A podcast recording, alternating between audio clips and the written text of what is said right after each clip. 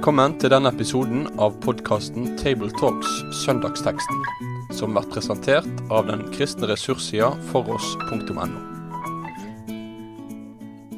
Velkommen til en eh, ny episode av podkasten Tabletalks. Ved hver sin skjerm sitter i dag Jorunn Sjåstad, redaktør på Bibelselskapet. Reidar Valvik, professor emeritus ved MF vitenskapelig høgskole. Og jeg heter Kristoffer Hansen Ekenes og er prest i Delks menighet i Oslo, Ryenberget kirke. I dag snakker vi om teksten for femte søndag i påsketida. Den står skrevet i Lukasevangeliet, kapittel 13, fra vers 18 til 21. Eh, og vi leser nå i Jesu navn. Så sa han, hva er Guds rike likt? Hva skal jeg sammenligne det med? Det er likt et sennepsfrø som en mann tok og sådde i hagen sin. Det vokste og ble til et tre, og himmelens fugler bygde rede i greinene på det. Igjen sa han, hva skal jeg sammenligne Guds rike med? Det er likt en surdeig som en kvinne tok og la inn i tre mål mel, så det hele til slutt var gjennomsyret. Det er teksten vår. Fire korte vers. Um, og ja, det handler om Guds rike, og det er jo, Jesus snakker forholdsvis ofte om det. Uh, og sammenhengen uh, Han sa Det første verset så sier han 'så', sa han. Det tyder på at han har sagt noe like før. Er det noen som har, noen, har lyst til å kommentere det? Ja, altså det er jo egentlig ikke en uh, veldig treffende oversettelse fra gresken, da. For der har man et uh, lite ord som uh, burde vært oversatt 'derfor'. Men ikke i noen norsk oversettelse er det lille greske ordet oversatt på en treffende måte. Men hvis man ser f.eks. New Revised Standard Version, så begynner teksten sånn He said therefore. Og Det betyr altså det må jo være en sammenheng med det foregående. Det bør jo være det, da. Det betyr at det er ikke tilfeldig at den lignelsen kommer her. Og hvis jeg skal få lov til å trekke opp et litt større lerret, så tenker jeg vi kan begynne med Fordi dette er en lignelse om Guds rike. Og hvordan begynner Jesus å tale om Guds rike? Jo, helt i starten av evangeliene så taler han jo om at Guds rike er kommet nær. Og jeg tenker eh, særlig på i Lukas' sammenheng, i Lukas 10, når Jesus sender ut eh, disiplene sine, så sier han til dem helbred de syke der, altså når de kommer inn i en by, og si Guds rike er kommet nær til dere. Og Så nevner han at kanskje de ikke vil ta imot, og at de bare må forlate byen. Men da skal de allikevel gjenta men det skal dere vite, Guds rike er kommet nær. Og så kan man jo spørre, ja, var det så veldig synlig? Nei, folk forventet nok noe mer eh, når Jesus begynte å tale om eh, Guds rike. Da skulle vi kanskje legge til en setning om altså rike på norsk er jo litt svakt oversatt antagelig da. Det skulle kanskje like gjerne vært kongeriket? I hvert fall ifølge noen uh, kommentatorer? Ja, altså i, i, i, denne sammenhengen, når vi taler om det, det presentiske, det nærværende Guds rike, så er det jo at Gud, Gud eh, Guds makt har gjennomslag. Og da kan man jo spørre, så folk det i Jesu liv og tjeneste? Hvis man leser videre i Lukas, jeg begynte i Lukas 10 her nå, i Lukas 11 så kommer Jesus i en debatt med skriftlærde om hvem er det som driver ut onde ånder, eller hva, hvem er det Jesus driver ut onde ånder ved? Um, og i den sammenhengen så sier Jesus men er det ved Guds finger, eller ved Guds ånd, som det står i Matteus, jeg driver de onde åndene ut, da har jo Guds rike nådd fram til dere. Altså, dette er et sted hvor Guds makt viser seg når Jesus helbreder. Og Det er da vi kan se på sammenhengen med teksten foran. For teksten foran er jo at Jesus helbreder en kvinne på sabbaten. Men her er en Abrahams datter som Satan har holdt bundet i hele 18 år, sier han. Skulle hun ikke da bli løst fra denne lenken på en sabbat? Det er jo en del av liksom Guds rikets krefter som er i sving i teksten foran. Eh, uten at folk egentlig fullt ut forstår det. Og så kommer da lignelsen. Eh, men hva skal vi sammenligne med Guds rike med? Eh, og det er vel altså nettopp dette her. Jesus sier tydelig Guds rike er kommet, men hvordan gjorde det seg gjeldende?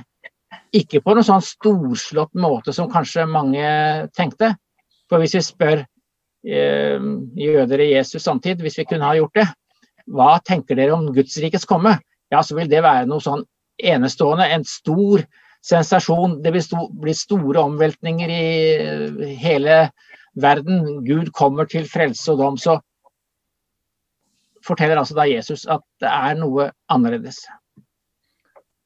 Det er ofte er det jo snakk om at romerne skulle kastes på dør fordi Israel var okkupert på den tida. og veldig sånn eh, jordisk, eh, praktisk tenkt, dette med Guds rike og forventningen til Messias når han skulle komme. da. Nei, men du, Nå har du jo for så vidt ledet oss litt inn i teksten igjen. Eh, fordi Jesus forteller jo altså to lignelser. Det er jo måten han ofte uttrykker seg på.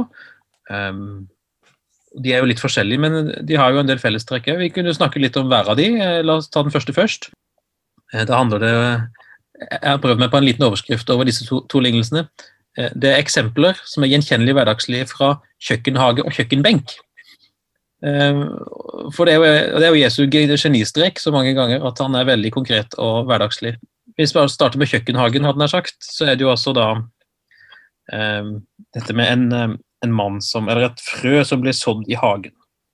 Eh, og Sennepsfrø er visst veldig lite, eh, har jeg latt meg fortelle. Eh, og busken av det kan likevel bli ganske stor. Eh, rundt to meters høyde eller noe sånt. Ifølge i hvert fall eh, notene her i fotnoten i, i Bibelen min. Eh, og så sier Jesus etterpå noe om at himmelens fugler bygde rede i greinene på det. Da lurer jeg på om man på en måte presser uh, sennepsbuskens uh, muligheter lite grann.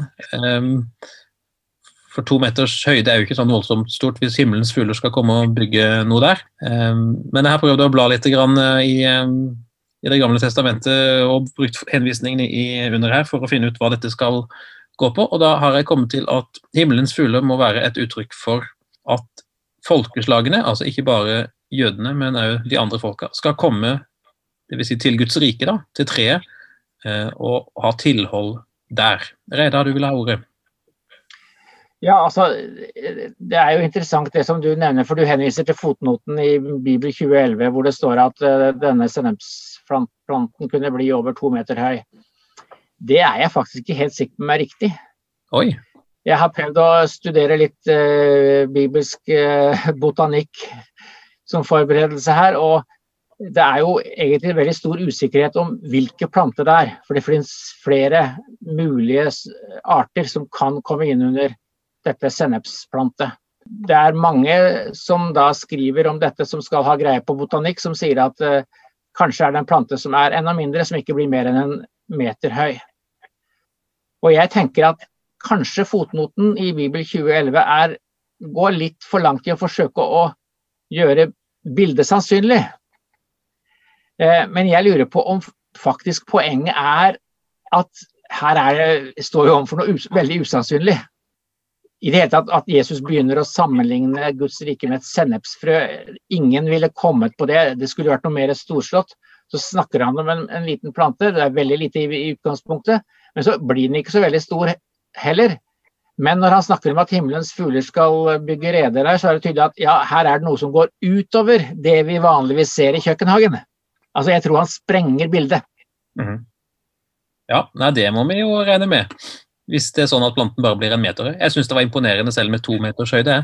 Uh, himmels... Ja, uansett så er det noe av poenget, tror jeg. Ja. Og, og så er det jo den grunnleggende forskjellen uansett mellom det knøttlille frøet og den planten, uansett hvor stor eller liten den blir, så er den i hvert fall stor da i forhold til frøet. Det, det er jo interessant å se forskjellen mellom evangelistene her, fordi i det som er vår tekst nå. Der står det bare at dette sennepsfreet vokste og ble til et tre. Hvis man ser på Markus- og Lukas-varianten, så står det jo enda tydeligere denne forskjellen. Eh, Jesus sier derom i Markus 4 eh, når det blir sådd, er det mindre enn noe annet frø på jorden. Men når det er sådd, vokser det opp og blir større enn alle hagevekster. Og får store greiner, så store greiner at himmelens fugler kan bygge rede i skyggen av det.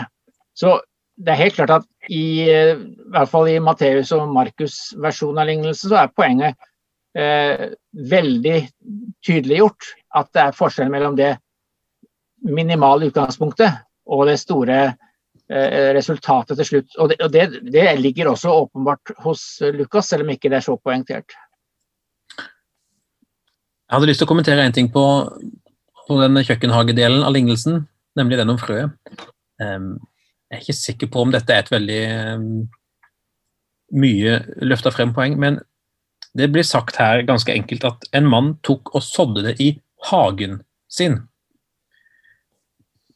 Altså, jeg, jeg klarte ikke helt uh, Først leste jeg de gammeltestamentlige referansene på dette med himmelens fugler og sånn, i Esekiel 17 og 31 og Daniel 4. Uh, eh, og så fra Daniel 4 så er veien for meg og for flere ganske kort til Johans åpenbaring. Og da spør jeg hvem er det som er denne mannen som sår noe i sin hage? Eh, og da tenkte jeg det må jo være kanskje Gud som er denne så-mannen. Han er i hvert fall det i noen andre lignelser. Og hvilken hage er det i så fall snakk om?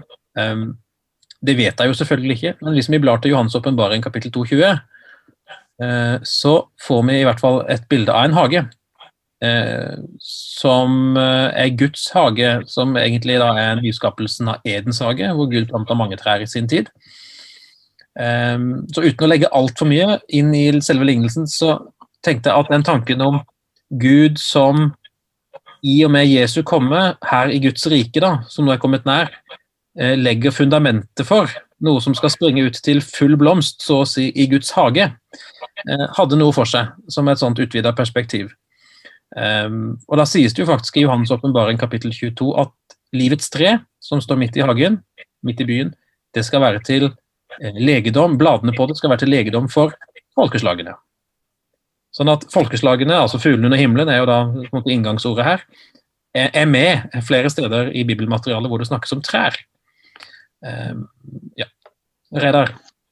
Ja, og det, det, det svarer jo til det som vi den teksten som det ble henvist til her i Esekiel 17, eh, fra Esekiel 1722 og de følgende, så er det, jo, eh, yes, er det jo Gud som taler om at han har tatt en kvist og latt det gro fram et tre av dette. og Denne kvisten er jo åpenbart eh, Davids rotskudd, som det heter i andre tekster. altså Det er jo Davidsetten og det kongedømmet som kommer derfra.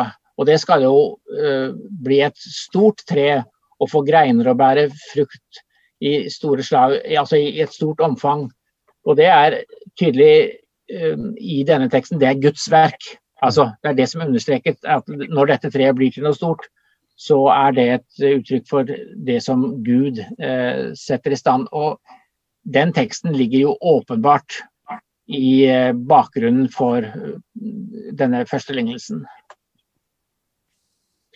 Skal vi bevege oss over i kjøkkenmetaforen? Jeg har jo mora meg litt over å tenke på at De første gangene jeg hørte denne teksten, eh, så visste jeg ikke nesten hva surdeig var for noe. Da måtte noen forklare meg det. Men i mellomtida så har jo surdeigsbakst blitt en superhit på sosiale medier og rundt forbi. Så nå føler jeg alle i Norge vet hva surdeig er for noe. Eh, så om ikke annet så er jo det en gyllen mulighet til å tenke at disse ordene nå virkelig blir forstått av moderne mennesker, selv om de ellers eh, sliter litt med det som har med Guds rike å gjøre. Så er i hvert fall surdeigsbaking kjent. Eh, så da er det altså det at den lille surdeigsklumpen som man legger inn i melet, gjennomsyrer til slutt hele melet. Det er ganske store mengder mel det er snakk om her. Rundt 20 kilo, tenker jeg. Det står vel her i fotnotene. Ja. ja 40, 40 liter. Ja, ikke sant. Så det er jo ganske store mengder. Men selv, og her er jo liksom poenget det samme som i den forrige lignelsen, på et vis, at det er noe lite som til slutt gjennomsyrer og fyller noe som er veldig, veldig mye større enn det. Så dette er gudsrikedynamikken. dynamikken. Jeg tenker at eh, Vi kan skal si mer om det, da, men ehm, en av mine tanker i forberedelsene var jo at det der er egentlig et veldig sånn, forståelig og godt bilde på hva som skjer um, i oss som tror. Um, når ja, vi kommer inn i Guds rike, sier vi jo gjerne. Um, men hvis vi jo tenker at det er et godt bilde på altså, troens liv i oss, at en, en, enkel bekjennelse og tillit til Gud og det han gjør, får vokse og så prege oss mer og mer, både helt privat og som menighetsfellesskap og Guds folk i verden, at det er noe sånn dynamikk her som Gud sjøl eh, er med og driver frem. Vi kan jo noen ganger tenke at det ser stusslig og dårlig ut, men eh, Gud er hele tida i gang med å la denne surdeigen som, som, Her brukes det i positiv mening, ofte er jo surdeig litt negativt i NT, eh, men at den surdeigen som er Guds rike, skal få lov til å mer fylle og prege og til slutt gjennomsyre det hele.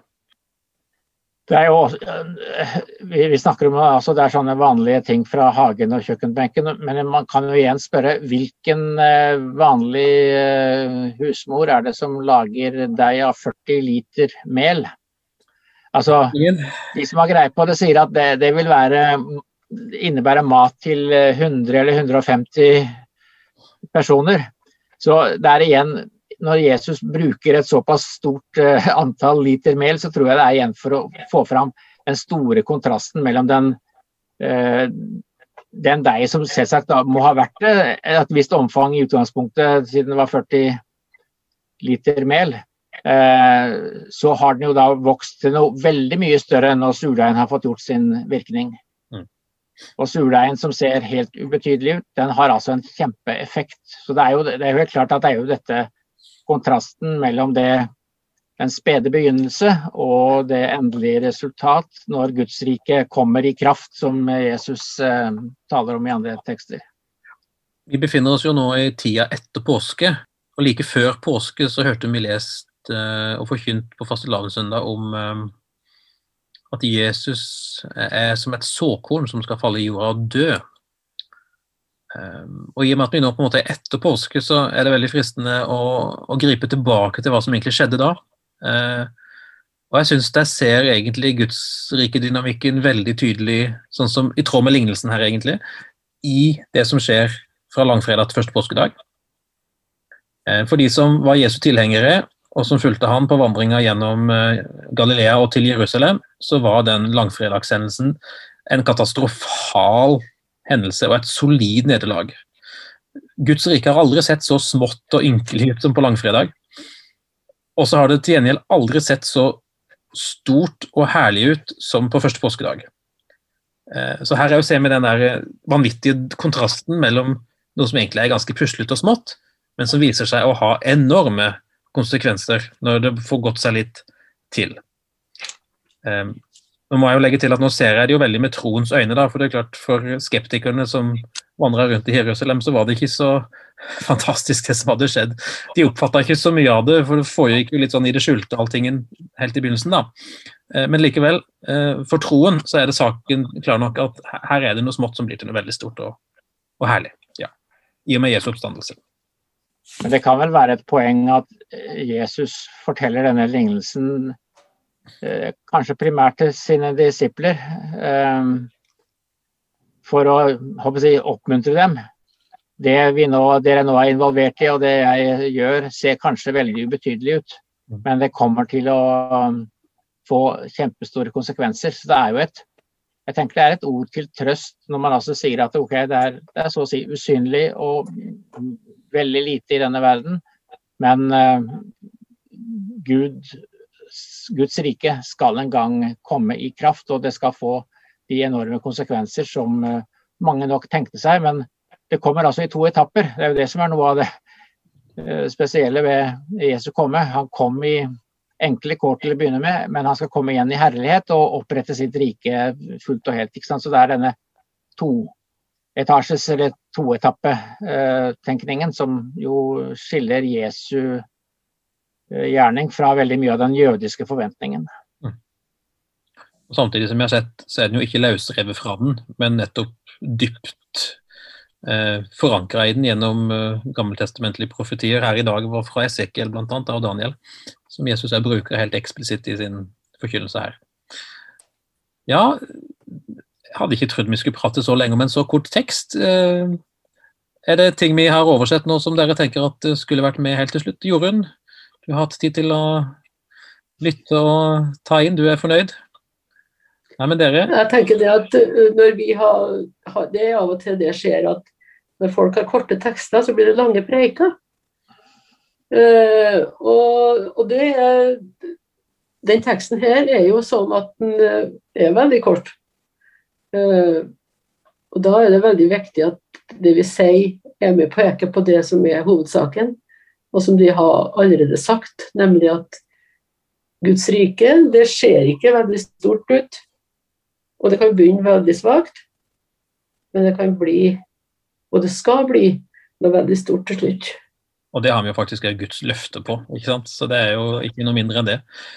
Ja, men du, Jeg tar den utfordringa helt på kornet, for jeg skal sjøl preke på søndag 2. mai. Så da får vi se om det blir kort eller langt, men jeg skal i hvert fall eh, ta god peiling på hovedpunktene og hovedpoenget i den teksten. Vi ønsker òg lykke til til alle dere andre som skal forkynne på ulike måter, eller forberede andre ting innenfor søndagen. Og ehm, så sier vi her takk for oss for denne gang. Med det sier vi takk for følget for denne gang. Finn flere ressurser, og vær gjerne med å støtte oss på foross.no.